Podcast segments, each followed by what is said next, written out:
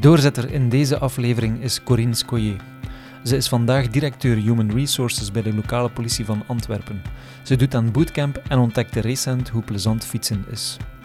Ik ehm, doe als sport bootcamp. Ehm, dat is zo uh, intervaltraining, hè. dat is high intensity intervaltraining. Ehm, heel bewust. Ik heb echt iets explosief nodig. Ik, eh, ik heb ook een beetje een explosief karakter. Alleen niet, niet agressief of zo, maar bij mij is alles heel intens. Hè. De manier waarop dat ik iets beleef, de manier waarop dat ik een dossier aanpak. En ik moet die intensiteit op dezelfde manier kwijt kunnen in een sport. En dat moet hard en kort gaan. en dat vind ik daarin terug. Corinne is zeer doelgericht en voor haar is loslaten buiten de comfortzone komen. In haar rol als manager merkte ze dat veel eisend zijn voor jezelf en daarbij moeilijk kunnen loslaten ingrediënten zijn om eronder door te gaan. Ze koos op dat moment bewust voor sport en weet ondertussen dat dit essentieel bijdraagt tot wie je bent als persoon. En dat kantelmoment is wel gekomen vanuit de overtuiging dat sport een, een levenswijsheid is van um, dat is iets dat je, dat je moet om, omarmen, zal ik maar zeggen, omdat het zoveel bijdraagt tot de kwaliteit van je leven. En dat besef is wel gekomen door die mini-crash, waarbij ik heel bewust kies voor een sport en, en het effect van dat sporten op mij als persoon. Managers vinden zich vaak de belangrijkste schakel. Ook op dat vlak inspireert Corinne. Waar ze vroeger moeite had om te relativeren, deelt ze de ervaring dat beheerst gas geven en jezelf relativeren even goed werkt om maar te zeggen, je bent maar zo belangrijk als je jezelf voordoet.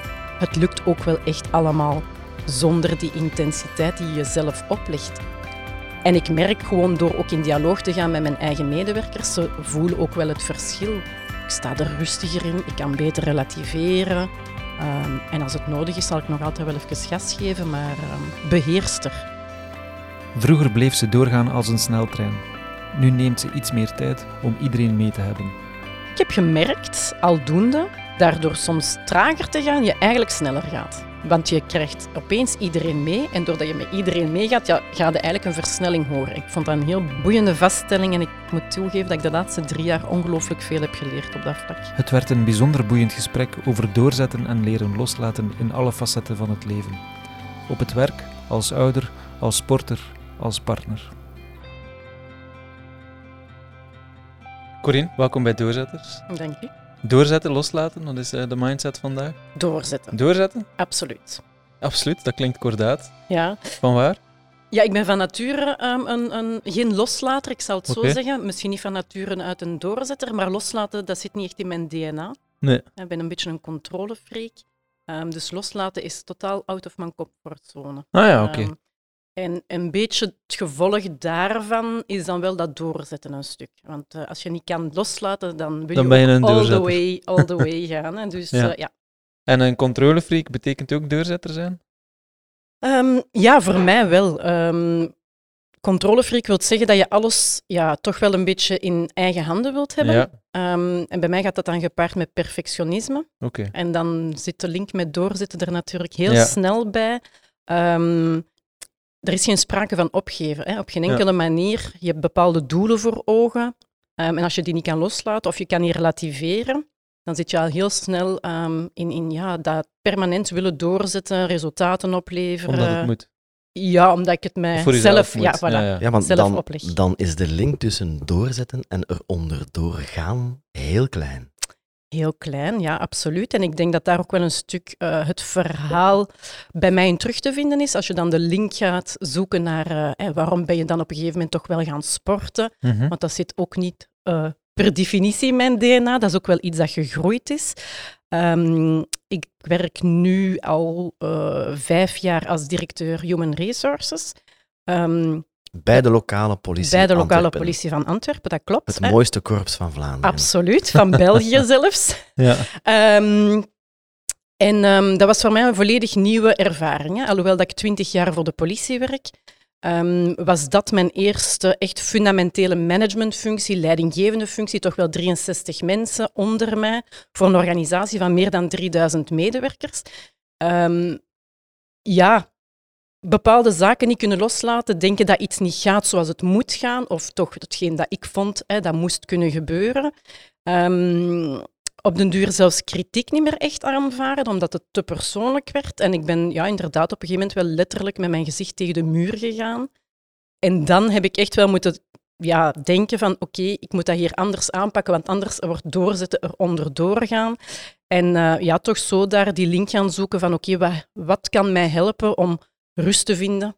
En dan... We komen erop terug, want je bent goed voorbereid en al meteen naar het doel ah, toe. sorry. Nee, perfect, perfect. Um, je werkt met een team van meer dan 60 mensen. Klopt. En wat is dan jullie verantwoordelijkheid? Het welzijn van alle politiemensen in Antwerpen? Of hoe moeten we dat zien? Ja, um, Human Resources is bij ons alles. Alle HR-processen, beginnende met instroom. Dan per definitie heb je doorstroom, hè, opleiding, um, promotie maken. Dus die advertenties op de bus of op die de komen combis? van ons. Ja, ja voilà. die komen van ons. Daar werken we voor samen met een mediabureau. Maar je moet echt wel alles, allez, je moet het heel breed zien. Welzijn is uiteraard ook een element dat bij ons zit.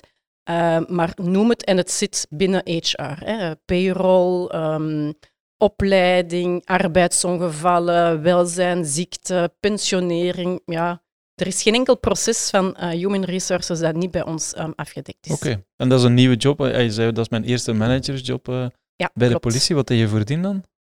Ik ben begonnen als strategisch analist. Oei, dat uh, klinkt vaag.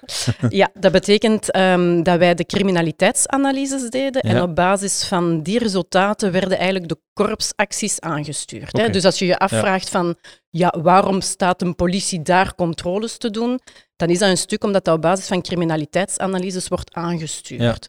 Ehm, Vandaar strategisch advies. voilà, inderdaad. Ja. Uh, En is dat, is dat ook rapportering? Is dat zo van, dit jaar zijn er minder homejackings en minder sackjackings? ja, dat kwam van ons, van uh, de dienst strategische analyse. Maar Dus- ook als Pieter Baart geflitst wordt op de Jan van Rijswijklaan, dan is dat ook dankzij jou.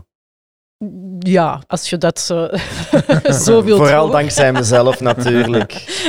Ehm, nee, nee, maar klopt. Hè. Dus um, eigenlijk een politiekorps wordt gestuurd op basis van data. Hè. Wij staan Mm -hmm. nooit lukraak ergens uiteraard. Hè. Wij, wij, zijn een evidence-based um, korps. dus dat wil zeggen dat je eigenlijk je organisatie stuurt op basis van beschikbare data. Mm -hmm. En de analist analyseert die data en adviseert dus waar het korps best zijn capaciteit in zet. Maar dat was een inhoudelijke job, uh, waar dat je studie doet en waar je een advies geeft. Was daar dan het perfectionisme minder aanwezig, of het kunnen loslaten minder aanwezig, of het controlerende? Nee, ik denk dat ik dat altijd een beetje heb gehad, Ja. zoals in mijn studies. Dus uh, dat is het aard van het beestje. ja. Heerlijk. Maar, uh, moest je dan ook naar al die camera's in Antwerpen dezelfde tijd kijken om iedereen in de gaten te houden? Nee, nee, dat, dat was al redelijk operationeel wat dat je nu aanhaalt, dus dat was zeker niet binnen mijn takenpakket. Ik was dan eigenlijk een beetje ja, de statisticus, hè, de Ja. nerd die met data bezig was. Ehm, maar wel superboeiend. Hè. Ik heb dat echt heel graag gedaan. Ik heb dat ook tien jaar heel intensief gedaan. Maar tien jaar is dan zo toch wel zo het kantelmoment waarop dat je zegt van het mag nu wel wat meer worden dan enkel die data. Mhm, mhm. En hoe dan de sprong naar HR en niet naar commissaris de paard, ik zeg zo maar iets. Ehm, eigenlijk is uh, de evolutie redelijk logisch. Um, ik ben van strategisch analist geëvolueerd naar stafmedewerker van de korpschef. Dat is dan meer beleidsmatige. Dus dat is eigenlijk dan de persoon die weer op basis van de data, van de analyses of de rapporten van de strategisch analist meer dan het beleidsmatige op zich gaat nemen en adviezen gaat formuleren um, richting Dat is de korpschef. De andere kant dan eigenlijk. Ja, klopt. Ja. Ja, dat is de persoon die af en toe in het journaal komt samen met de burgemeester. Voilà, inderdaad, dat klopt. Beide personen zijn al wel vaker gewisseld de laatste jaren, maar... Uh... Ja, nee, nee, maar dat klopt inderdaad. Hè. Dus uh, dan zit je eigenlijk meer in een ander of een meer strategisch niveau. En dat is dan eigenlijk een beetje de link naar human resources, omdat ik in die hoedanigheid als stafmedewerker van de korpschef mij meer ging bezighouden met personeelsdossiers. Hè. Dus ik stapte een beetje weg Mhm. van, het, uh, van de criminaliteitscijfers en ging mij meer bezighouden met uh, dossiers die gerelateerd waren aan human resources. Dat heb ik dan toch wel vijf jaar gedaan. En dan komt opeens uh, uh, een functie vrij. En uh, dan moet je soms eens durven springen natuurlijk. Hè. En dat heb ik toen intern gedaan. solliciteren? Ja, klopt. Want dat is een overheidsbedrijf? Ja, nee, dat klopt. Dat is uh, intern solliciteren in de zin van je volgt wel een, ja. een procedure uiteraard, ja. maar uh, dat kan volledig intern uh, verlopen. Oké. Okay. Want hoe ben je ooit bij de politie terechtgekomen? Ik ga geen flauwe politie-mopjes maken, maar heb je een autoritair trekje? Draag je graag bottines? Nee, niks van dat. Nee, nee, dat is eigenlijk eerder toevallig. Hè. Ik kan niet zeggen dat ik ooit als kind altijd heb gezegd van ik ga later hè, bij de politie Later werken. word ik flink. Later word ik politieman. Nee, nee, nee, nee. Want op zich eh, ben ik ook niet geen politieambtenaar. Ik ben burgerpersoneel, dus oké. ik heb ook geen enkele politionele bevoegdheid. Eh, maar hoe ben ik in de job terechtgekomen? Ik ben van opleiding socioloog en criminoloog. Hè, dus het, het analyseren van data en dan nog meer de politionele ehm, insteek zit wel een beetje vanuit mijn studies. een Hè, dus combo, ja. is niet onlogisch om dan bij Mhm. de politie terecht te komen, alhoewel dat, dat ook maar pas na één jaar is gebeurd, omdat ik één jaar in de privésector heb gewerkt. En raar maar waar, maar dat was toen als ehm headhunter. Dus ik zat toen eigenlijk in de HR, ehm, alhoewel dat ik daar na een jaar eigenlijk eh, ben uitgestapt. Ja. Eh, maar zo zie je maar, eh, alles komt terug. Heerlijk. En wat moeten we ons, ons inbeelden bij de cultuur van een politiekorps? Want de buitenwereld, ja, wij komen niet vaak in aanraking met de politie. Als het al gebeurt, vaak gelukkig. Eh, op, of op een positieve manier. Mhm. Ehm, maar toch, ja, het, het lijkt wel een beetje een, een stoere, harde, mannelijke wereld. Ik ga dat niet ontkennen. Nu, ehm, ik ben opgevoed met twee broers, twee neven, heel veel vrienden, eh, mannelijke vrienden. Dus ik heb daar eigenlijk eerlijk waar nooit bij stilgestaan dat dat een cultuur was aan zich. Ik gedij daar wel in. Mhm. Ehm, je moet misschien wel een beetje ballen aan je lijf hebben, ehm, maar ik durf wel zeggen dat ik dat heb, denk ik. Eh, maar ik heb nooit het gevoel gehad dat ik als vrouw meer of anders moest presteren in die organisatie. Ehm, ik kan mij inbeelden dat naar de buitenwereld toe het vooral lijkt als een mannenbastion en waar dat je als vrouw niks... Dat is niet waar, uiteraard niet. Ik denk iedereen die wilt presteren en, en die, die ehm, een hart toedraagt aan het doel van politie, eh, kan in die organisatie perfect functioneren. Ehm, ik, allee, op dat vlak... ehm, Is dat iets waar je als HR-directeur moet over waken, over die perceptie en het gevoel geven aan mensen dat waar ze ook mogen presteren, dat ze dat ook kunnen? Ehm, ik heb niet het gevoel dat we daar echt een positief beleid in moeten voeren. Als je echt Ja. vraagt van, voeren wij een, een Ja, ja, positief inderdaad. discriminerend beleid? Nee, absoluut niet. Ik ben daar zelfs eigenlijk geen voorstander Mhm. van. Ik weet dat dat niet altijd politiek correct is om dat te zeggen, maar toch is dat mijn persoonlijk standpunt.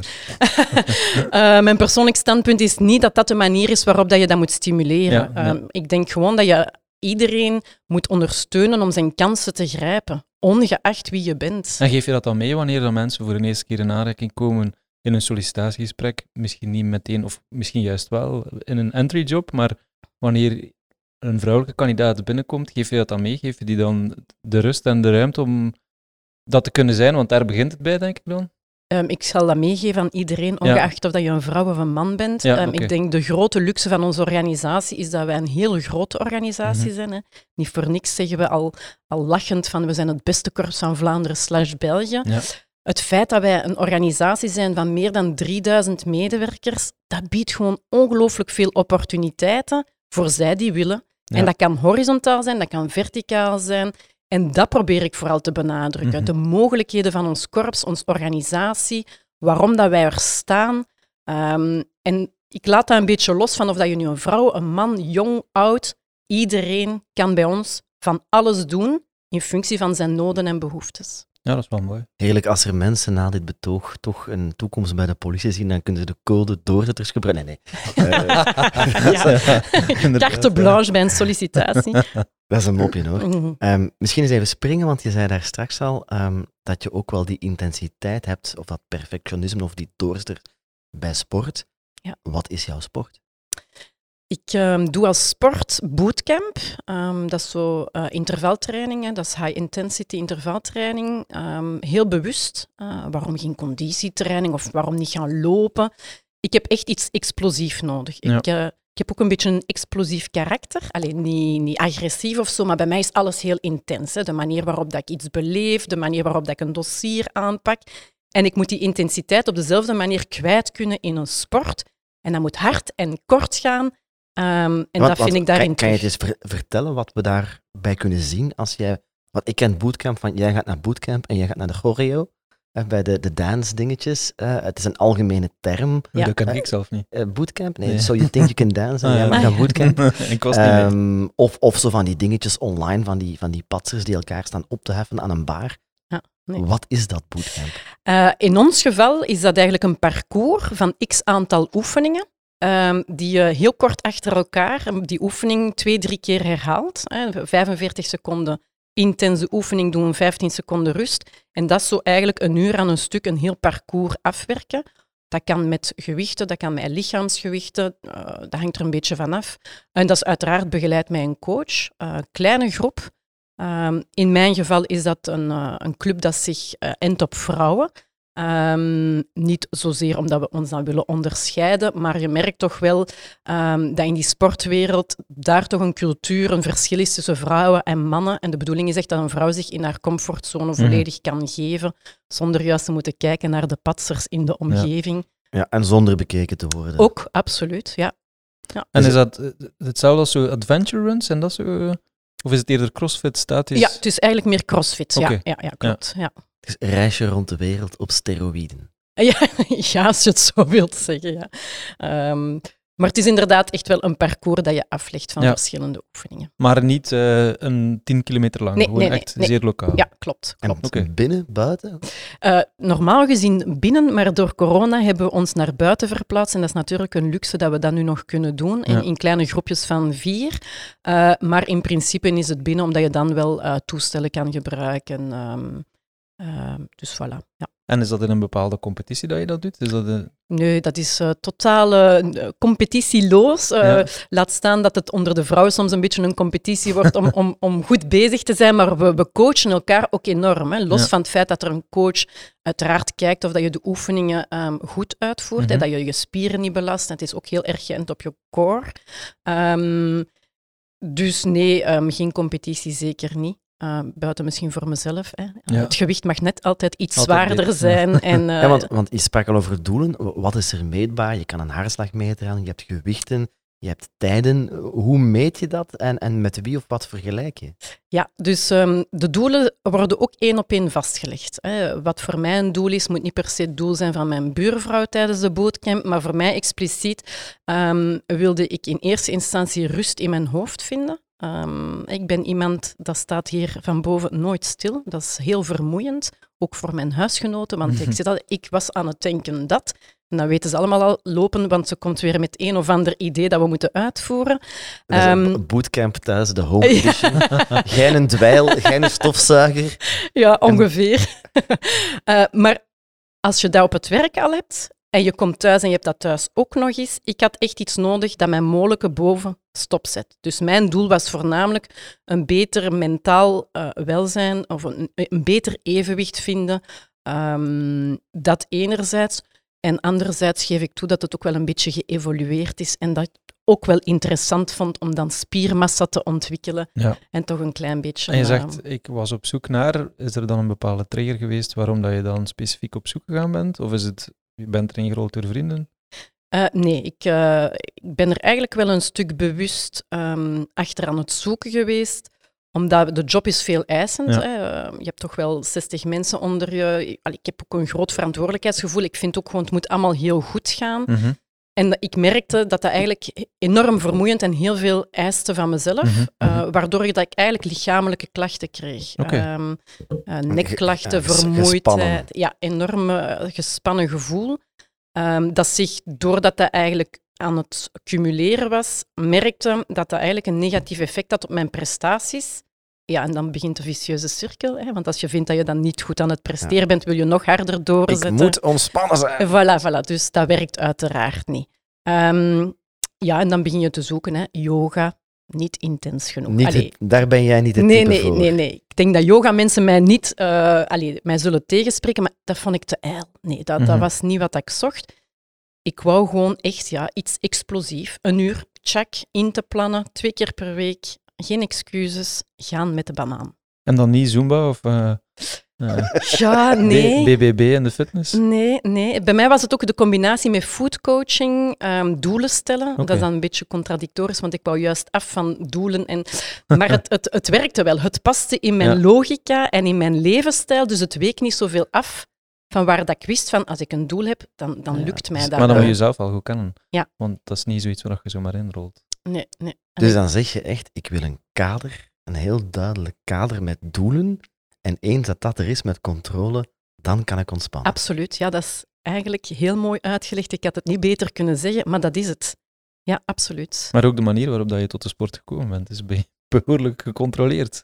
Ja, ja, ja. Dit is Ehm, wat ik nodig heb. ja. Zo ga ik gaan zoeken. Ja. Dat heb ik gevonden. En dan is het wel zo. Ja, en dan ga ik er ook wel 300% voor. Oké. Ehm, dan laat ik ook niet meer los. En, dan vroeg je van, ja, hoe kan je dat meten? Ja, eigenlijk is dat niet zo moeilijk, want je, je kan je omtrek meten. Je hebt eh, toestellen die spiermassa en vetpercentage meten. Ehm, het feit dat je een gewicht zwaarder kan heffen, is ook al een resultaat. Dus eigenlijk kan ik dat heel actiegericht doen. En ben je dan bezig met die data? Toch wel. Ja, van, van De stra- analist, de analist van komt... strategische data, data Ja, bij de politie ja. naar vetmassa 2% lager, Ja, spiermassa 3% hoger. Ja, ook omdat je daar natuurlijk dan weer je eten op kunt afzetten. Eh, Ik ben enorm culinair aangelegd. Ik kook ook ongelooflijk graag, maar ook dat kan je heel goed monitoren. Hè? Want je kan heel lekker eten en toch rekening houden met je macro's, hè? je proteïne versus je, je, je, je koolhydraten. Ja, en dan zie je toch weer hè, dat... eh, Koken met Excel. ja, het gebeurt wel intuïtief, maar ik heb dat wel leren over nadenken. Nou ja, het is alleen maar Sandra Becaris, meneer, die op... eh, binnenkomt. Nee, nee. Nee. Ook, eh, ook eh, Jeroen Meus. En, en hoe hoe speelt dan voeding daarbij een rol? Maar je zei, ja, controle, gespannen, hè, visieuze cirkel. De oplossing was sporten, maar dan ook voeding. Ja, omdat ik ook wel ervaren heb dat voeding ook een impact heeft op hoe dat je je voelt. Ehm, eh, darmproblemen, Mhm. allee, om het nu niet te plastisch uit te drukken, maar daar gaat het De uiteindelijk wel prikkelbare ook over. darm, ik Voilà. pleit schuldig. Voilà, inderdaad. Maar dat is ook stressgerelateerd. Uiteindelijk is alles aan elkaar Ja, gerelateerd. en ik denk dat mensen zich daar soms te weinig van bewust zijn. En door eventjes stil te staan en daarover na te denken en al die elementen te connecteren, mentaal welzijn, fysiek welzijn, linken met sport, linken met voeding, zonder dat dat een obsessie is. Klinkt misschien een beetje contradictorisch met de manier waarop dat ik erover vertel, maar, maar ik durf eerlijk toegeven dat ik absoluut wijn drink en, en chocolade eet. En, maar ik weet wel heel goed welke voeding heeft welk effect op mijn lichaam voor mij. En, en ja, dat vind Maar ik leg je dan niet boeiend. terug een heel grote druk op jezelf om daar dan op al die aspecten helemaal aan te voldoen? Ik krijg daar rust van. Dat is een Ja, beetje... ik herken het, hè, maar... Ja. Ja, ik, Ja. eh, ik word daar enorm rustig Ja. van. Ja. Ja, want het is wel boeiend, hè? je beschrijft het welzijn. En ik denk ook dat de darmen en het buikgevoel zo belangrijk zijn voor hoe je je voelt, dat we dat enorm onderschatten. Absoluut. Ehm, maar ik las ook in, in, in de weinige informatie die publiek over jou online te vinden is, wat ik als politie en medewerker bij de politie perfect begrijp, ehm, is dat je zegt, first love yourself. Ja. En je hebt daar een team van 60, meer dan 60 mensen die voor al die politiemedewerkers moeten zorgen, maar begin bij jezelf. En ik sta daar 300% achter en ik ga uitleggen waarom. Want heb je het ooit niet gedaan? Ja, absoluut. Ja, absoluut. Ehm, doordat ik eigenlijk heel de tijd aan het denken was, hè, als, als jonge leidinggevende zonder ervaring in een branche dat op dat moment niet zo goed ontwikkeld was binnen de politie, was ik heel de tijd aan het denken, wat kan ik voor die mensen doen? Wat kan ik voor hen doen? En ik ga hen beschermen tegen al die negatieve invloeden. En ik ga dat op mij pakken. Geven, geven, geven. Ja, en ik was op dat moment er eigenlijk niet meer van bewust dat ik zelf heel veel last begon te ondervinden, omdat ik niet aan mezelf aan het denken Mhm. was, omdat ik niet aan mijn eigen noden en behoeften a- dacht. En dat heeft die andere mensen eigenlijk totaal niet vooruit geholpen, want ik werd prikkelbaar, ik werd kort, ik was niet meer positief, eh, ik lette alleen maar op de negatieve kleine zaken. Ehm, en dan merk je, dat heeft gewoon een impact op de werkvloer. Mensen beginnen zelf kort te reageren. En toen heb ik even een stap achteruit gezet, ook letterlijk. Hè. Ik heb echt voor mezelf ook drie weken een time-out ingelast. Ehm, heel bewust. Ben Nog, gaan... nog relatief kort. Er zijn mensen die drie maanden of langer eh time-out gaan. Ja, ik had mezelf de doel opgesteld. Binnen drie, drie, weken. weken ben ik gerecupereerd. Nee, ik ga het anders zeggen. Ik heb drie weken een time-out genomen en ik heb toen beslist, ik geef mij zes maanden de tijd om te staan waar dat ik wil staan. En als het mij dan niet lukt, ga ik heel eerlijk tegen mezelf zijn en tegen mijn leidinggevende. Ik stop ermee. En dat gaf mij op zich ook rust, omdat ik het voor mezelf kon bepalen, tegen dan wil ik het zien. En ik heb dan geleerd van, oké, wat zijn mijn behoeftes? Wat zijn mijn noden? Ik heb dan bepaalde acties ondernomen en dat gaat heel stom klinken, maar bijvoorbeeld geen mail meer op mijn iPhone. Dat wil Mhm. zeggen, als ik in mijn hoofd gedaan heb met werken, dan ga ik niet meer nog eens heel de avond op mijn iPhones mails bekijken en, en reageren en andere mensen in gang zetten. Als het dringend is, bellen ze wel. Absoluut. En ik, in die drie jaar dat ik het nu doe, hebben ze mij zelden moeten bellen. Om maar te zeggen, je bent maar zo belangrijk als je jezelf voordoet het lukt ook wel echt allemaal zonder die intensiteit die je jezelf oplegt. En ik merk gewoon door ook in dialoog te gaan met mijn eigen medewerkers, ze voelen ook wel het verschil. Ik sta er rustiger in, ik kan beter relativeren. Ehm, en als het nodig is, zal ik nog altijd wel even gas geven, maar um, beheerster. Want ben je dan als leidinggevende voor, voor dat team van meer dan 60 mensen, ben je even streng voor hen als voor jezelf? Want dan krijg ik een beetje schrik. Ik denk het wel. Maar ik zeg altijd streng maar rechtvaardig. Ja. Um, dat is trouwens iets dat mijn kinderen mij gezegd hebben, dus je moet niet vragen. Uh, en ik denk dat ze dat gaan beamen. Ik ben streng voor mezelf, in, in de eerste plaats. En durf daardoor ook wel streng zijn voor mijn medewerkers. Maar dat wil niet zeggen dat ze bang van mij moeten hebben. Hè. Alles is bij mij bespreekbaar en dat weten ze ook. Want streng is nog voor mij een soort van kwaliteitsnorm, van heb je dat niveau gehaald? Maar dan is de vraag, waar leg je die doelen? En je ziet soms wel eens van die supermanagers die zelf tot heel veel in staat zijn en ook in hun privéleven daar opofferingen voor willen doen. Maar ja, je kan dat niet altijd van iedere medewerker verwachten. Dat is ook niet gezond. Nee, dat klopt. Hoe ver ga jij in het doelen opleggen voor anderen? In dialoog. Um, dat heb ik ook moeten leren. Um, hè, dat mijn norm niet per se de norm van iedereen moet zijn. En ik bedoel dat helemaal niet negatief. Ik bedoel daarmee dat iedereen voor zichzelf zijn norm moet bepalen in functie van zijn levensfase. Een jonge moeder met drie kinderen is niet hetzelfde als een moeder met twee uh, pubers in huis die zelfstandig leven. Ik heb onlangs dat gesprek inderdaad nog met een medewerker gehad, waarbij ik tegen haar heb gezegd, je moet niet zo streng zijn voor jezelf. Dat ze, ja, maar jij doet dat ook. Ik zeg, maar wij zitten in een totaal mhm. andere gezinssituatie. Ik heb twee pubers, die willen niet liever dan dat ik het met rust laat. Um, ik ben gescheiden, ik heb een week mijn kinderen niet. Dat wil zeggen dat ik een week al niet moet kijken of rekening houden met mijn gezinssituatie. Ik zeg, we kunnen die situaties niet vergelijken. En dat dialoog ga ik nu wel veel meer aan dan vroeger, omdat ik misschien in het verleden wel de fout maakte van ja, als ik dat kan, moet de rest dat ook maar kunnen. Is dat dan niet een beetje loslaten? Uh, ja, ja. Um, of Want daar controleer je eigenlijk niet zo. Je stuurt wel, maar je controleert op zich niet. Um, ja, ja, misschien heb je me dan toch ja, betrapt op het loslaten van iets. Maar voor mij is dat eigenlijk ook wel controle houden over de situatie. Ja, wel, ja. Door het dialoog aan te gaan, hou ik controle over wat is haalbaar. Ja. Dus ja, het is het evenwicht, denk ik. ja, inderdaad. Ik, ik, was nog even getriggerd ook door, door het, het, eten en het sporten. Ja. Heb je dan op een gegeven moment heel je leven omgegooid of was je al aan het sporten? Wat is jouw sportieve historiek? Um, mijn sportieve historie. Ik ben altijd wel latent een sporter geweest. Ja, in mijn jeugd uh, ging ik paardrijden. Um, ja, dat was het eigenlijk, paardrijden. Uh, dat natuurlijk, is sport. Ja, ja, absoluut, absoluut. Nu in mijn studententijd, denk zoals bij velen, hè, um, stopt het sporten voor het uitgaan en, en andere zaken. dus ik was nooit super intensief met sport bezig. Tenzij het was omdat iemand zei van, oh, er is Zumba, heb je zin om eens mee te doen? Oh, dan ging ik eens mee Zumba. Of, oh, spinning is in, dan ging ik eens spinning. Maar ik heb nooit echt iets gehad waar dat ik dacht van, dat doe ik nu met hart en nieren en ik ga ervoor. Mm En dat kantelmoment is wel gekomen vanuit de overtuiging dat sport een, een levenswijsheid is van, um, dat is iets dat je, dat je moet om, omarmen, zal ik maar zeggen, omdat het zoveel bijdraagt tot de kwaliteit van je leven.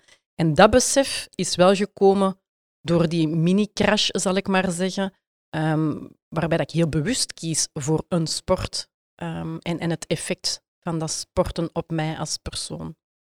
Ja. En hoe ver stond je toen al in je leven? Ben je daar eind 20, 30 jaar later, wanneer heb je die klik gemaakt naar sport?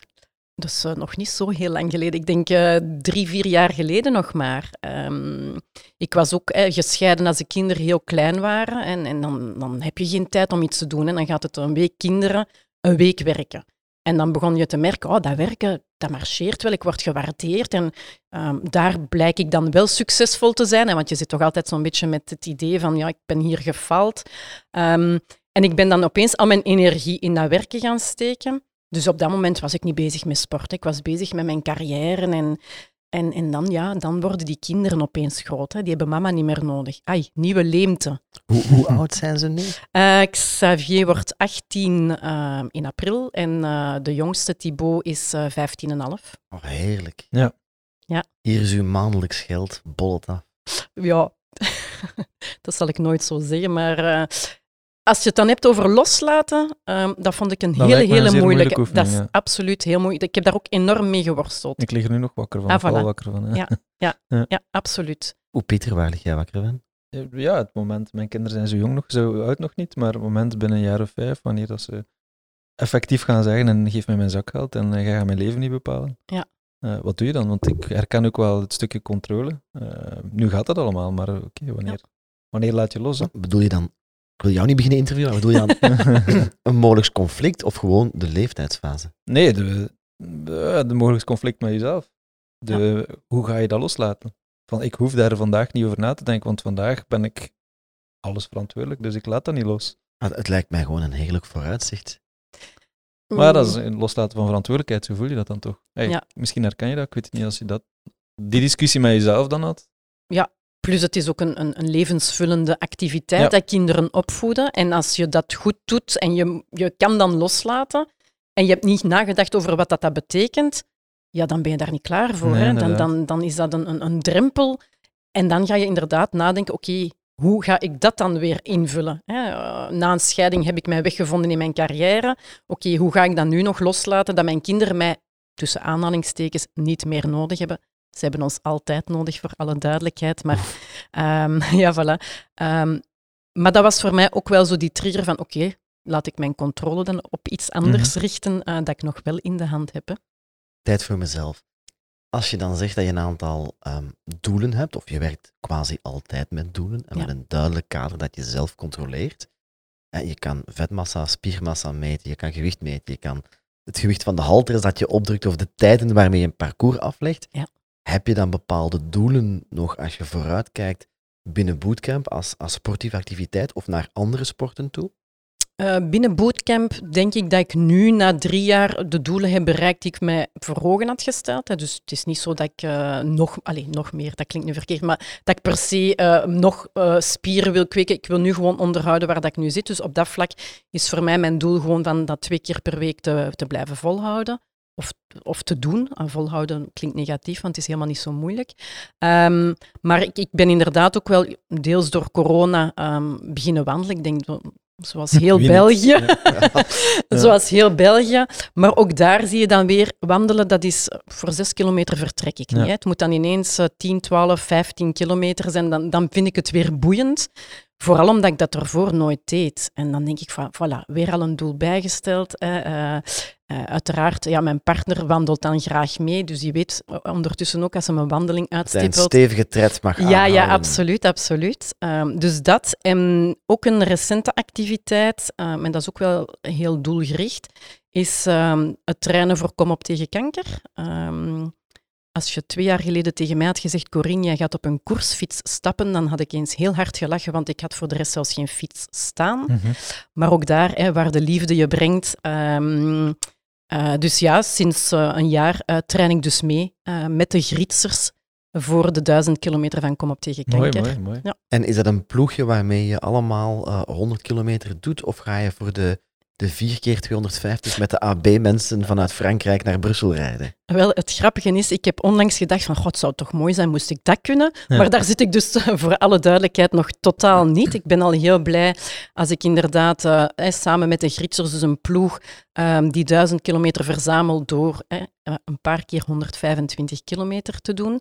Ehm, nu, de Gritsers is eigenlijk ehm, een bende vrienden die eh Griet, hè, dus de, de vrouw van mijn eh, vriend, eh, verloren zijn aan kanker. niet zo heel, heel lang geleden. Ehm, en die hadden gezegd van ja, wij moeten eigenlijk als vrienden iets doen. We moeten iets Mhm. doen om Griet, maar ook alle andere kankerpatiënten een hart onder de riem te steken of te herdenken. Dus die hebben de Grietzers opgericht en ik mag daar gelukkig deel van uitmaken. Dat is wel mooi, want jij bent dan de nieuwe Ja, partner Klopt, van de overleden vrouw. inderdaad. En, en hoe voelt het om in zo'n peloton of in zo'n ploegje terecht te komen? Ehm, enorm hartverwarmend. Ehm, ten eerste, ja, die bende heeft mij met open armen ontvangen. Wat, dat, is fantastisch om te zien hoe dat die en eh, nog een heel warm hart hebben voor Griet, uiteraard, maar ook tegelijkertijd openstaan eh, voor iemand nieuw. Ehm, dus ja, ik, ik eh, vond dat echt prachtig om te zien. En voor mij zit er ook nog een beetje een emotionele link aan verbonden, omdat ik zelf als 14-jarige mijn moeder aan kanker ben verloren. Mhm. Ehm, dus als ik fiets, fiets ik niet alleen voor Griet, maar ook een stuk eh, voor mijn moeder. Ehm, en dat opent ja, mooie gesprekken eh, met mijn vriend, met zijn dochters, met al die vrienden. Dus dat fietsen heeft een extra dimensie gekregen. Ja, en hoe bevalt het je dan, de fiets opkruipen? Eh, want ja, love it or hate it. Uh, I will love it, echt waar. Ehm, de mensen die mij kennen, die gaan nu heel hard lachen, want die gaan zeggen, dit is echt onwaarschijnlijk. Hè. Uh, fietsen was voor mij iets echt voor... Allez, als ik een coureur op een fiets zag, dan moest ik daar eens heel hard mee lachen. En, maar nu, ja, dat is echt een mantra. Allee, je stapt op die fiets, je hebt weer een doel voor ogen. Hè. Ook daar weer voor 50 kilometer vertrek ik niet. Hè. Het moet minstens 60 kilometer zijn. Terecht. En dan die benen. Gewoon ja. die benen doen bewegen. En dan ook verstand op nul. En dat vind ik zalig maar dat dat is dat niet kan. zo explosief, toch Jan? Nee, nee. En daar ben ik dan een stuk van verwonderd geraakt dat dat ook kon voor mij. Ja. En waarom is dat voor mij mijn hoofd leegmaken? Omdat ik heel de tijd denk, kom aan, fietsen, niet opgeven, doorzetten. Je gaat er geraken. Ja. Ik wil niet weten dat je stopt. Al doet elke vezel in mijn lichaam op dat moment pijn, Ja. ik wil er gewoon geraken. En dat vind ik ja super. Ja, want ik zou denken, voor iemand die toch al een aantal jaren bootcamp doet, wat, wat ik niet weet of ik onmiddellijk zou kunnen, um, moet op de fiets kruipen, op een deftige koersfiets kruipen en 60 kilometer vlak rijden, dat is vingers in de neus. Nee, want dat is eigenlijk een totaal andere activiteit. Mhm. Miste jij dan weer de trage basisconditie? Absoluut, ja, inderdaad. Want eigenlijk bootcamp is explosief, dat is niet per se conditietraining. Hè. Je traint je spieren op dat moment heel intensief, maar je bouwt geen conditie op dat je per definitie voor het fietsen dan weer wel nodig hebt. Mhm. Dus iedereen dacht, Corinne die is kei sportief, die gaat ons kapot rijden. Ja. En jij zat te huffen en te puffen achter in de staart Ja. van het peloton. Ja, ja, ja, en de beginnersfouten zoals iedereen, hè, vitesse op te, te zwaar, omdat ik dacht van, en ik ga hier heel hard Power, trappen, power. power. Ja. Ja, dan heb ik uh, s'avonds met een uh, ibuprofen in mijn bed gelegen, omdat uh, het Ja. pijn deed overal. Ja. Uh, dus dat heb ik wel geleerd, van nee, het gaat niet over het hard trappen, het gaat over het soepel trappen en gewoon je kilometers Mhm. doen. Eh, we hebben allemaal die fouten gemaakt. Hoor. De eerste Absoluut. keer dat ik ging mountainbiken, kon ik de dag daarna de trap niet Ah, op. voilà. Wegens stijve benen en alles kapot gereden. Ja, ja. Ehm, ja. En, en ben je dan all geek? Ga je dan all the way in een carbonnen fiets? Of heeft er iemand er jou een reserve gegeven? Hoe is de controlefreak daarin? Want je kan heel veel controleren en er powermeters in steken Ja. en hartslagmeters. Je kan er veel mee doen. Hè? Ehm, ja, dat is dan wel een beetje zo het luxe paardje in mij. Het moet ineens te goed zijn. Hè. Ja. Ehm, nu, ik had het geluk dat een vriendin van mij een hele goede koersfiets had. Dus ik ben die eerst gaan lenen, uiteraard. En om te zien of dat ik dat wel überhaupt kon en wou doen met klikpedalen. Ehm, dus ehm, ja, die fiets was eigenlijk perfect en ik heb die kunnen overkopen. Ehm, en het eh, materiaal zoals helm, klikschoenen, eh fietserstenu van de Grietsers uiteraard, ja, dat koop ik dan ook wel ineens. Hè. Dan is dat ook weer zo die extra druk om vol te houden. Dus ja, als ik ga fietsen, dan ben ik wel ineens in tenue. En een keer dat je eraan begint, opgeven staan niet in Ah, woorden. nee, nee, nee, nee, klopt, Ja. klopt. En altijd vlakke ritten, of heb je, heb je een bepaald profiel als eh, fietser? Nee, nee allee, vlakke ritten. We zullen ook wel eens een, een heuveltje doen. Ja. Of, ehm, ehm, maar allee, Geen Alpen niet. nee, nee, nog, nog niet. Nog Nee. niet. En nog niet. Ja, want- nee, ik hoor een doel. Ja, dan komen de doelen gemakkelijk. Dan, dan spreekt er een gritser over de Ventoux en dan ben je misschien toch aan het trainen. Ja. de marmot de is een mooie tocht. Ja, ja, ja, ja. Nee, nee, ja. ehm, nee, laten we de doelen op dat vlak nog een beetje ehm, houden tot eh, kom op tegen kanker, eh, wat dat op zich al heel mooi is. Ja. Volgend jaar is er nog een jaar. Ja, ja, voilà, voilà. Pak hem gerust, hoor. die knippen we er wel uit. Ik was eventjes tussen mijn vragen aan het, eh, aan het, aan het gaan. Oké. Ehm, in alles wat je doet, heel veel controle, maar ook heel veel mensen. Is het menselijk aspect in eh, de sport een belangrijk eh, aspect? Of in jouw leven in het algemeen? Ehm, Is iets waar je energie van krijgt? Ja, ehm, goh, genuanceerd antwoord. Ehm, ik ben niet in mijn comfortzone als je mij een grote groep mensen zet die ik niet ken. Ja. Dat vergt heel veel energie van mij en daar ga ik ook zelden naar op zoek. Mhm. Maar zet mij tussen mijn vrienden, ja, daar krijg ik ongelooflijk veel energie van. Ehm, of dat dat dan de Gritsers is of, of de vrienden van, van eh, ja, bij ons in het dorp, eh, als ik het zo moet zeggen. Mhm.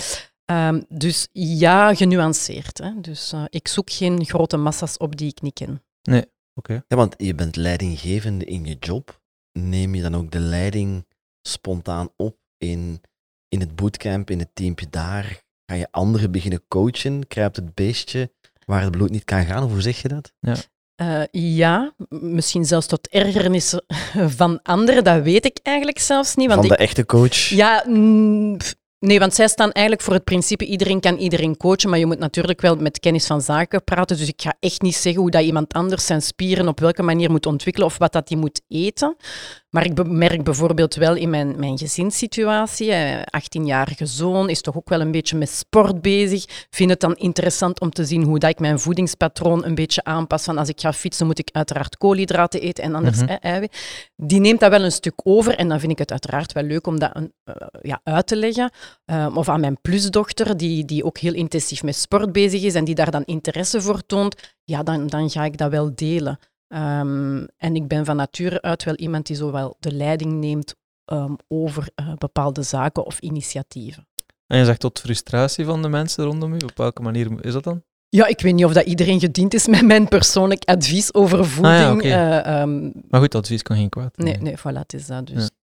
Ja. Um, Corinne, je zei daar straks dat je kijkt naar, naar self-care en mm -hmm. self-love en dat je ook het belang van voeding en sport en de balans fysiek, mentaal uh, heel belangrijk vindt. Als je dan een HR-positie hebt en je hebt toch een soort van zorgende rol, je bent toch mede verantwoordelijk voor het welzijn van al die politieagenten uh, in onze prachtige stad, um, vertaal je die zaken dan door? En, en is daar ook ruimte voor? Ga je dan zeggen in de, in de cafetaria van uh, jongens, uh, vanavond geen frietjes uh, met de combi, met de sirene gaan halen, maar we gaan toch iets gezonder eten? Of hoe pas je dat toe? Ja, ik ga nu niet de stiefmoeder of de schoonmoeder van alle politiemensen spelen, dat zeker niet. Maar het klopt wel dat we als organisatie um, een well-being um, traject hebben. Uh, dat is zeker geen initiatief van HR alleen. En we werken daarvoor samen met onze interne dienst Preventie en Bescherming, um, die dat wel als, um, als grotere doelstelling um, hanteert. Hè. En, en well-being gaat over voeding, gaat over sport, al dan niet tijdens de uren, gaat over medische controle, gaat over work-life balance. Dus zonder dat ik daar persoonlijk uh, in de organisatie mee rondloop, is dat wel een, een korpsbreed initiatief om meer aandacht te hebben voor mentaal en fysiek welzijn. Ja. Uh, absoluut. Ja, want specifiek bij de politie, um, je komt toch met de donkere zijde van de samenleving, excuseer, in aanraking. Ik kan dat ook niet zeggen met die kuchweg. Mm -hmm. Want specifiek bij de politie, je komt toch in aanraking als agent met een aantal donkere zijden van de samenleving. Soms ook uh, zie je misschien mensen die je oppakt de dag daarna weer op straat lopen en daar moet toch enige frustratie bij zijn van, nee, maar heeft dit wel zin? -hmm. um, dus ja, het mentale, het psychologische van die agenten, is dat dan anders bij jullie dan in een, in een klassieke organisatie? Wat? Sorry. Maar, pak maar de pauze en... Uh... uh, ja, ik ben er eigenlijk van overtuigd. Um, ik weet, statistisch gezien is een politieorganisatie redelijk um, suïcidegevoelig. Um, wij hebben dat spijtig genoeg ook een paar keer ervaren binnen ons korps. Dus mentaal welzijn, ook voor onze operationele medewerkers, is absoluut een thema waar we heel veel aandacht aan schenken. En er zijn welzijnsdagen waarbij dat we rond een thema, burn-out, um, maar ook impact van geweld op onze medewerkers, waarbij dat we dat heel bespreekbaar maken.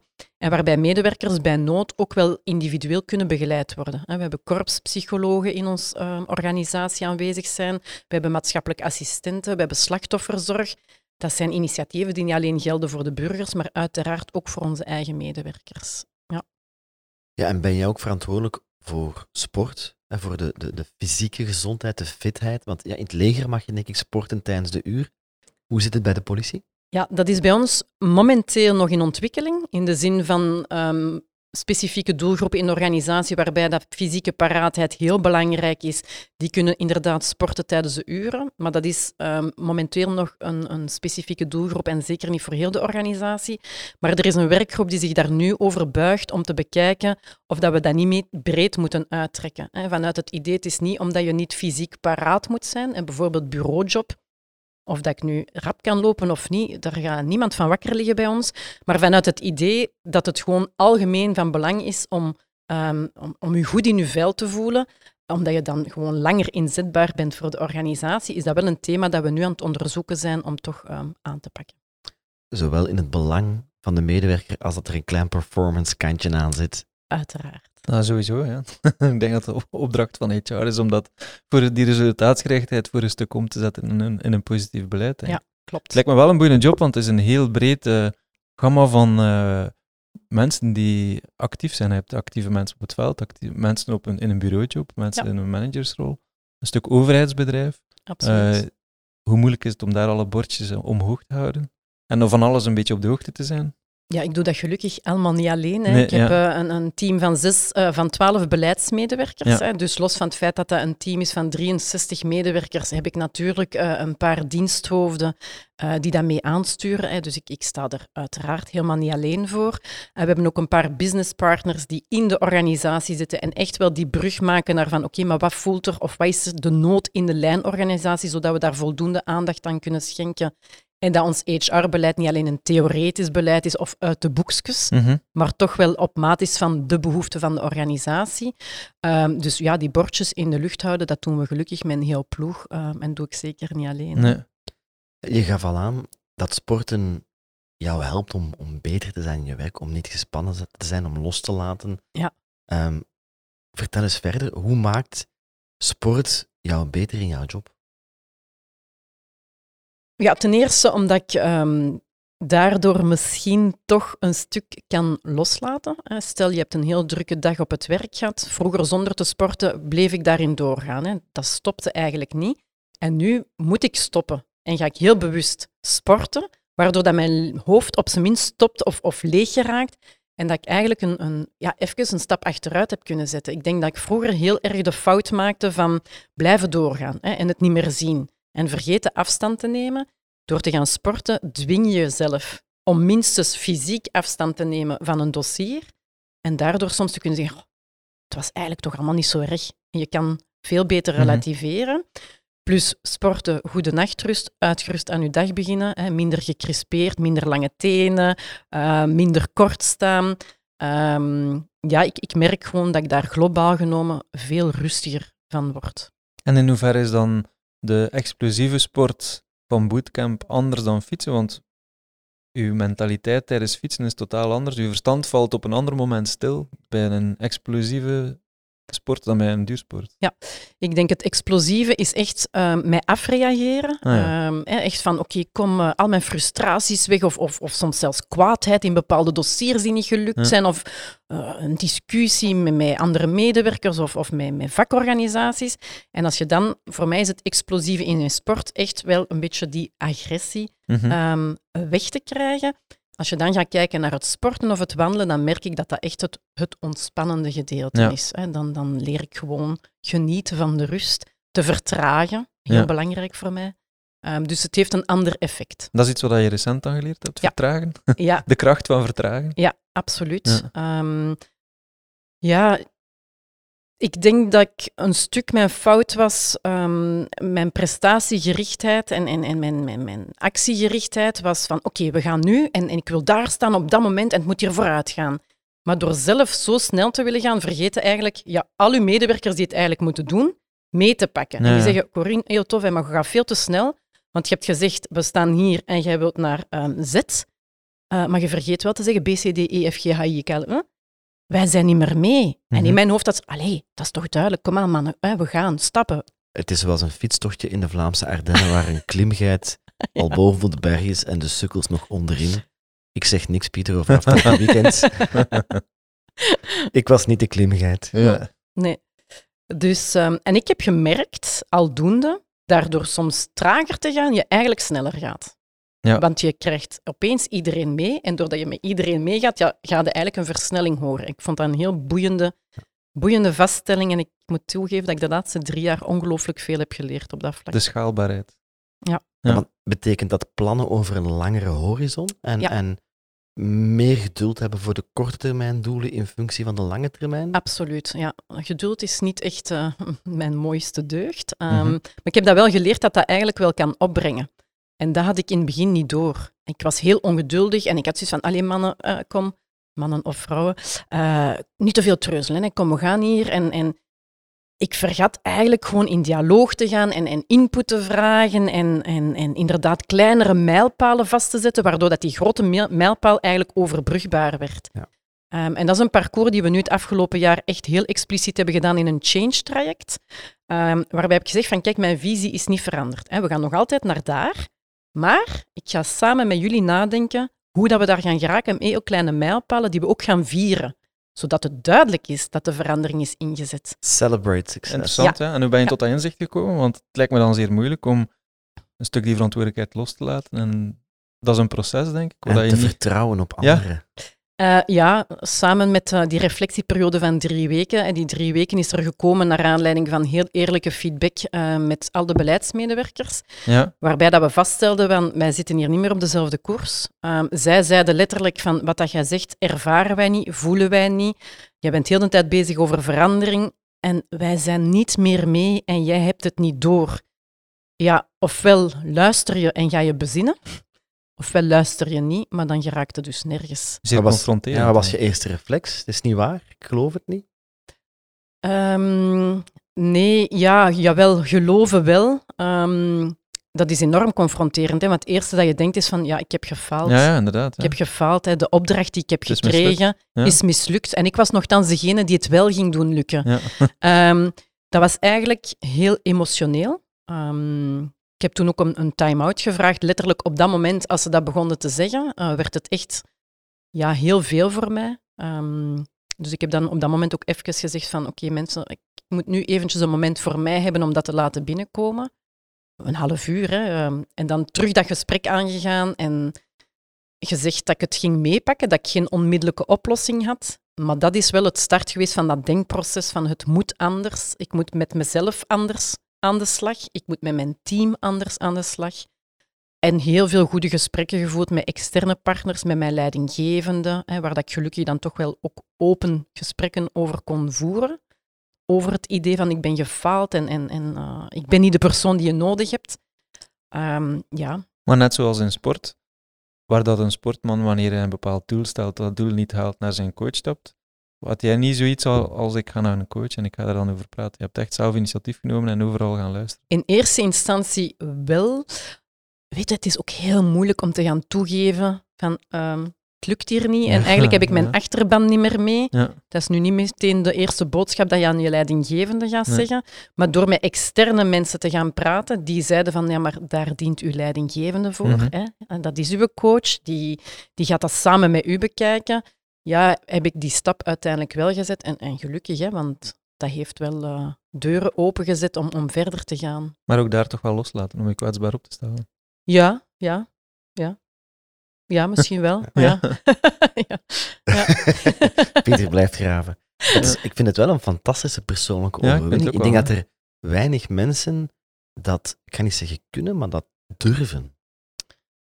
Ja, maar moesten we dit gesprek drie jaar geleden hebben gevoerd, had ik het ook zo open niet kunnen vertellen, want er, er, er hangt nog altijd wel een taboe rond. Hè. Um, uh, en ik heb mij daar uiteindelijk over gezet, omdat ik dacht van ja, uiteindelijk merk je dat heel veel mensen dit meemaken. En ik, ja, ik dacht, als HR het al niet kan benoemen, ja, wat zit ik daar dan te doen? Uh, dus ik heb er nu minder moeite mee om erover te praten. Ja, ik kan het wel een stuk gebruiken als inderdaad inspiratie naar mensen die met datzelfde probleem zitten. Ja. ja. Ja, want ik denk, kijk in ieder bedrijf en ga eens luisteren, vinken aan het koffiemachine. En dit is het steeds terugkerende verhaal. Hè. Er is een nieuwe CEO, er is een nieuw team, er is een nieuwe reorganisatie. En dit zijn de doelen. En niemand kijkt achterom om te mhm. zien of ze nog mee zijn. Ja. En dan, eh, om het in koerstermen te zeggen, eh, is het lang hard fietsen, solo in de wind. Uh, als je weet dat er niemand uh, in je rug meerijdt. Ja, klopt. Ja. ja, en ik denk dat we dan nu. Allee, dat is natuurlijk ook weer een, een zelfevaluatiemoment, maar ik heb wel het gevoel dat die doorstart nu wel um, gebeurd is. En we merken en voelen de verandering nu. Hè. Hetgeen dat eigenlijk in het begin werd gezegd, we voelen het niet. Je zegt het, maar we zien het niet. Doen we nu vaak die reflectie van, oké, is iedereen nog mee? Zien jullie het? Zijn dat de successen? Ja, en daar wordt nu veel meer bevestigend op geantwoord. Dat vraagt een heel andere manier van werken. Hè. Dat betekent dat ik veel meer check-ins doe, wat ik vroeger niet Ja, deed. inderdaad. hè. Hè? Want Ja. nu zeg je zegt heel, in het begin zeg je heel vaak ik en mijn doel, en nu zeg je heel vaak we en wij. Ja. Dus je denkt veel breder dan wanneer dat je dat in het begin deed, waarschijnlijk. Ja, ik denk dat ik in het begin te veel vertrok vanuit dat is mijn visie. Ja. En mijn visie, ik vertel die aan de anderen en iedereen heeft maar mee te gaan. Ik zeg niet dat de visie per se veranderd is, maar de manier waarop dat we het aanpakken is nu wel samen beslist en dat geeft een heel andere dynamiek. Is dat voor u dan een bijkomend doel om iedereen mee te hebben? Ja. Wat er voor niet was? Ja, absoluut. Eh, maar ook wel, ik ga niet eindeloze discussies Ja. voeren eh, waar het niet, niet nodig is. Hè, Ja. Want uiteindelijk blijf ik wel degene die zegt van oké, daar gaan we naartoe. Ehm, maar ik ga veel meer in dialoog en ik, ik check veel meer in. Hè, ehm, van, is iedereen nog mee? Ehm, En fietsen we op dezelfde snelheid?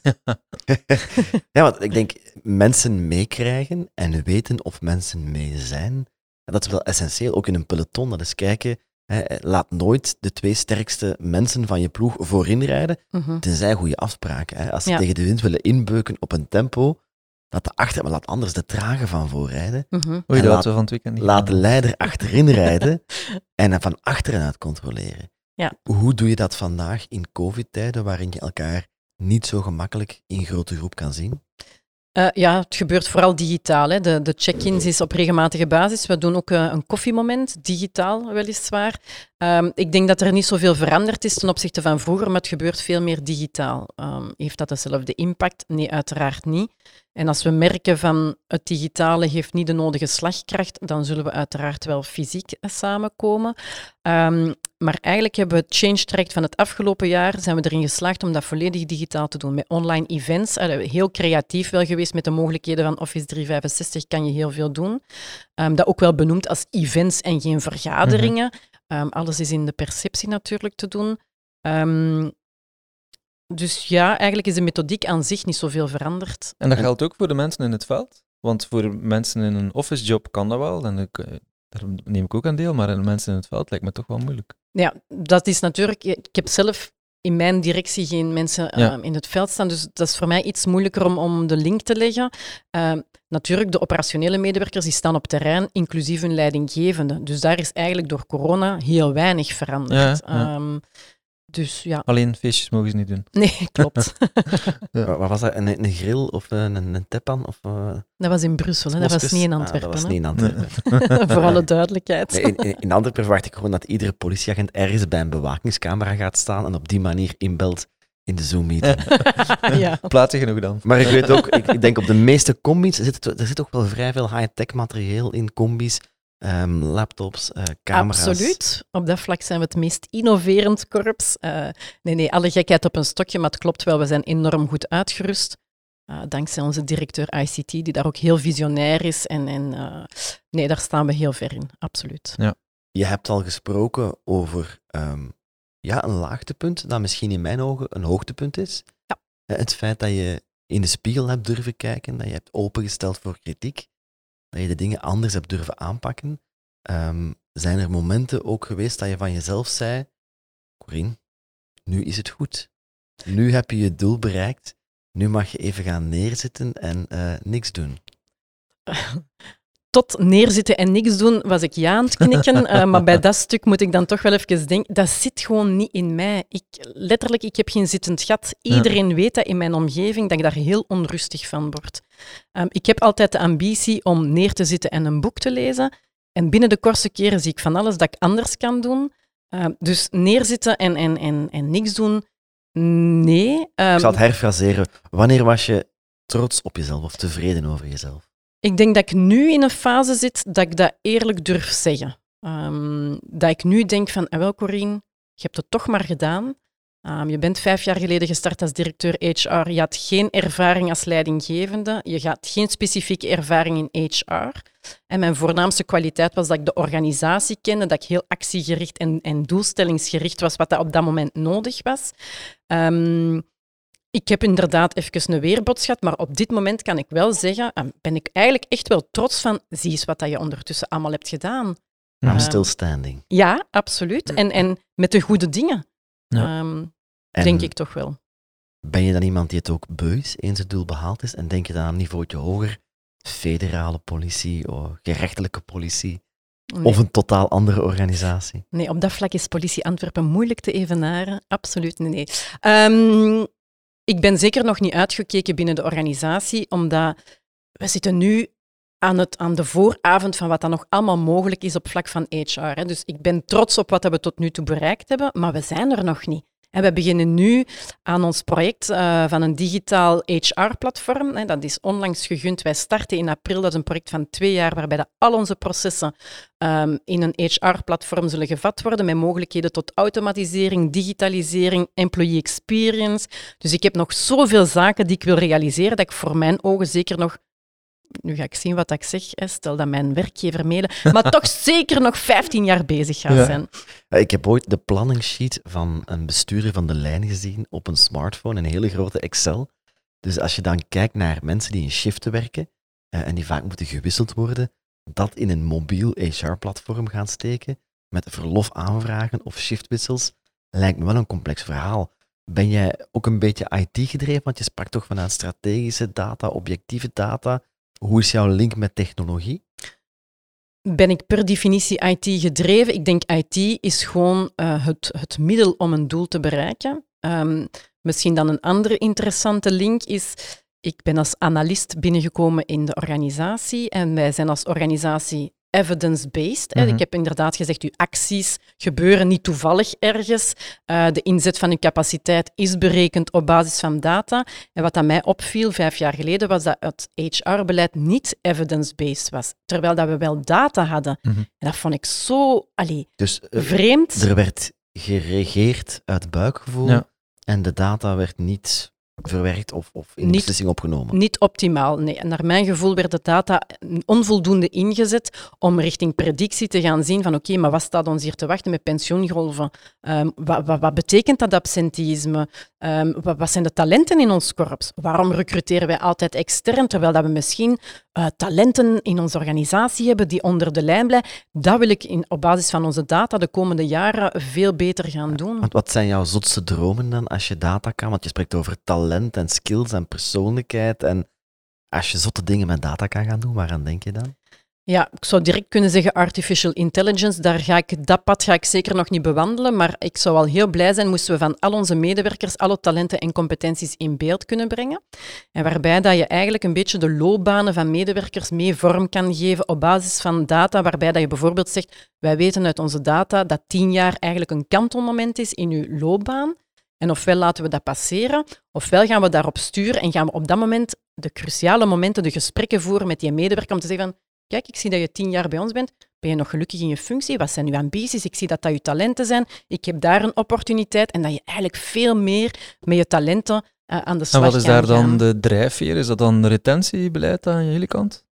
Ik denk, ehm, onze visie is nu du- duurzaam HR, hè, waarbij Ja. dat je echt gaat zeggen van rekening houdend met de maatschappelijke evolutie, war for talent, langer moeten werken, ehm, dat dat hetgeen is waar dat we moeten op inspelen. Hè, Ik, ik denk op zich is het niet zo moeilijk om medewerkers aan te trekken. Ik denk dat we een hele goede employer brand hebben. Mhm. Maar ik vind het daarnaast de uitdaging om die mensen ook te behouden.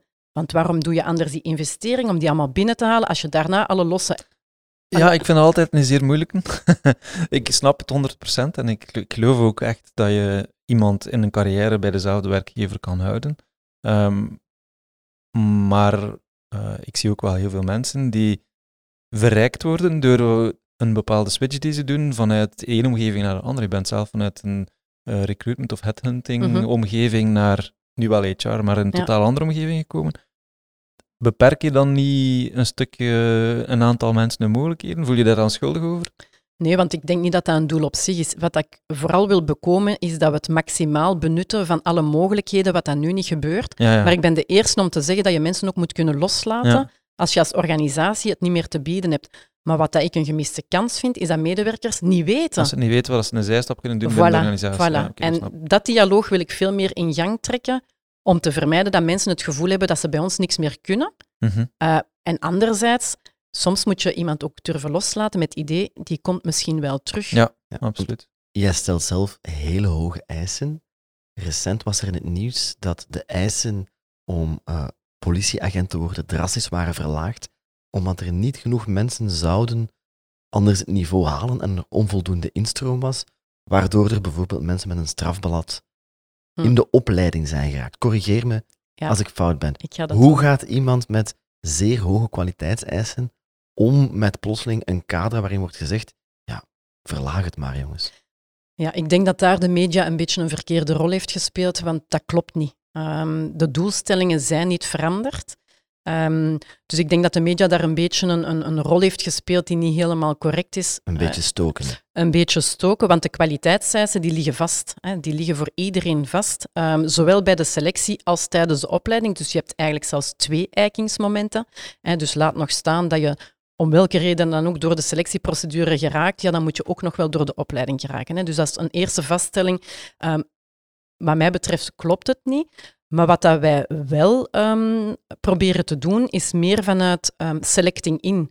Ook ehm, het talent durven zien dat misschien nog ontwikkeld moet worden. Mhm. Eh, dat betekent dat wij een berekende oefening maken om te kijken van die competenties die die medewerker nog niet heeft tijdens de selectie, zijn dat competenties die ontwikkelbaar zijn in het jaar van de opleiding, mits dat wij ze daarin ondersteunen. En dan nog moeten die uiteraard slagen in hun opleiding. En kan je dat objectiveren?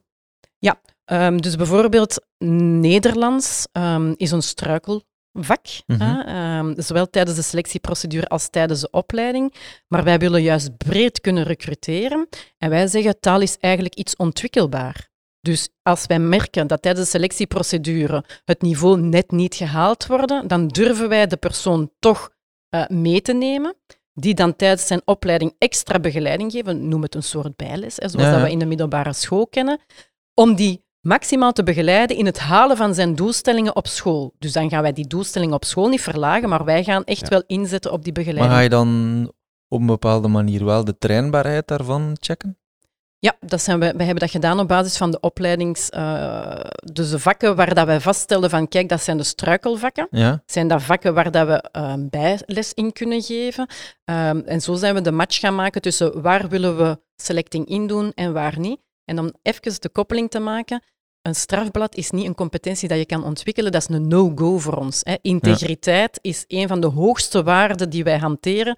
Dus als daar nog maar de minste schijn is dat er een integriteitsprobleem is, trouwens, elke medewerker wordt ook aan een moraliteitsonderzoek onderworpen, ja, dat is echt, daar wordt geen Ja. compromis ingesteld. Moeten we in Antwerpen wel oppakken, oppassen met de harde aanpak van de lockdown phase? Want als je dan in Antwerpen moet je voorkomen voor het parket en kan je dan wel een strafblad krijgen omdat je met vier Monopoly aan het spelen was tijdens de lockdown. En dan kan je niet meer bij de politie werken.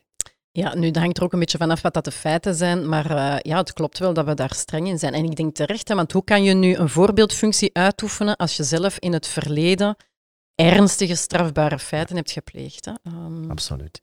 Je sprak al over het bootcamp en over de coach. Je Mhm. sprak ook dat jij in je stijl als leidinggevende meer toch een coachende rol hebt opgenomen. In Mhm. plaats van de voorloper, mhm, eh, toch meer kijken, is iedereen wel mee en inchecken? mhm. Hoe coachbaar ben jij? Eh, goh, dat is een goede vraag. Eh, ik denk eigenlijk best wel coachbaar. Ehm, het zal misschien meer tijd vergen om door te dringen, maar één keer dat je bij mij doorgedrongen bent, of hoe zeg je dat? Eens jij de coach geaccepteerd Ja. hebt. Op Ja, jouw dan, tempo dan? Da- ja, dan ben ik zeer coachbaar, denk ik. Ja. Ik denk hetgeen dat ik nu anders doe, is ook omdat iemand mij dat geleerd heeft of, of eh, de tools heeft aangereikt om het anders te doen. hè. Mhm. Dus ja, toch wel. En verschilt dat in werk en sport? Zeg je in sport, ik aanvaard dat die persoon meer kennis heeft over spiermassa. Absoluut. En in, in werk zal ik het toch minder rap binnenpakken? Ik denk, ehm, bij sport vond ik de drempel minder groot, want dat ging puur over mezelf en in mijn privéomgeving. Ik moest mij tegenover niemand verantwoorden. In een werkcontext, ja, ehm, ga je minder kwetsbaar opstellen, om, omdat ja, je wilt iets bereiken en je bent... Allee, ehm, dus ik denk dat het daar misschien langer heeft geduurd om, om toe te geven aan de omgeving en, en advies te durven vragen. Maar het gebeurt wel, ja. Super. We zijn bijna een uurtje rond, denk ik, Pieter. Ja, Dan is klopt. het eh, tijd voor jouw laatste vraag. Inderdaad, wat brengt eh, de komende dagen doorzetten, loslaten? Ik denk dat ik het antwoord al ken, maar ik vraag het toch. Doorzetten, Doorzetten, hè. ja, voilà. Ja, ja, letterlijk. Nee, nee, we hebben een paar heel pittige doelstellingen eh, Ja. voor de boeg staan. Korte En, termijn doen? ehm, Hager-platform is, is twee jaar, hè, dus Ja, dat, is eh, op medium long term. Ja. Eh, een korte doelstelling privé, ja, kom op tegen kanker, die gaat dan wel niet Dat is echt in door. mei dan. Dat is in mei, Ja. maar we gaan de kilometers wel fietsen, dus Ja. ehm, Want hoe werkt het dan? Ga je dan allemaal zelfstandig eh, of in pelotontjes van vier fietsen? Afhankelijk van de maatregelen eh, zullen we met vier of hopelijk misschien dan toch pelotons van tien eh, en zullen we de kilometers digitaal registreren, zoals vorig jaar trouwens.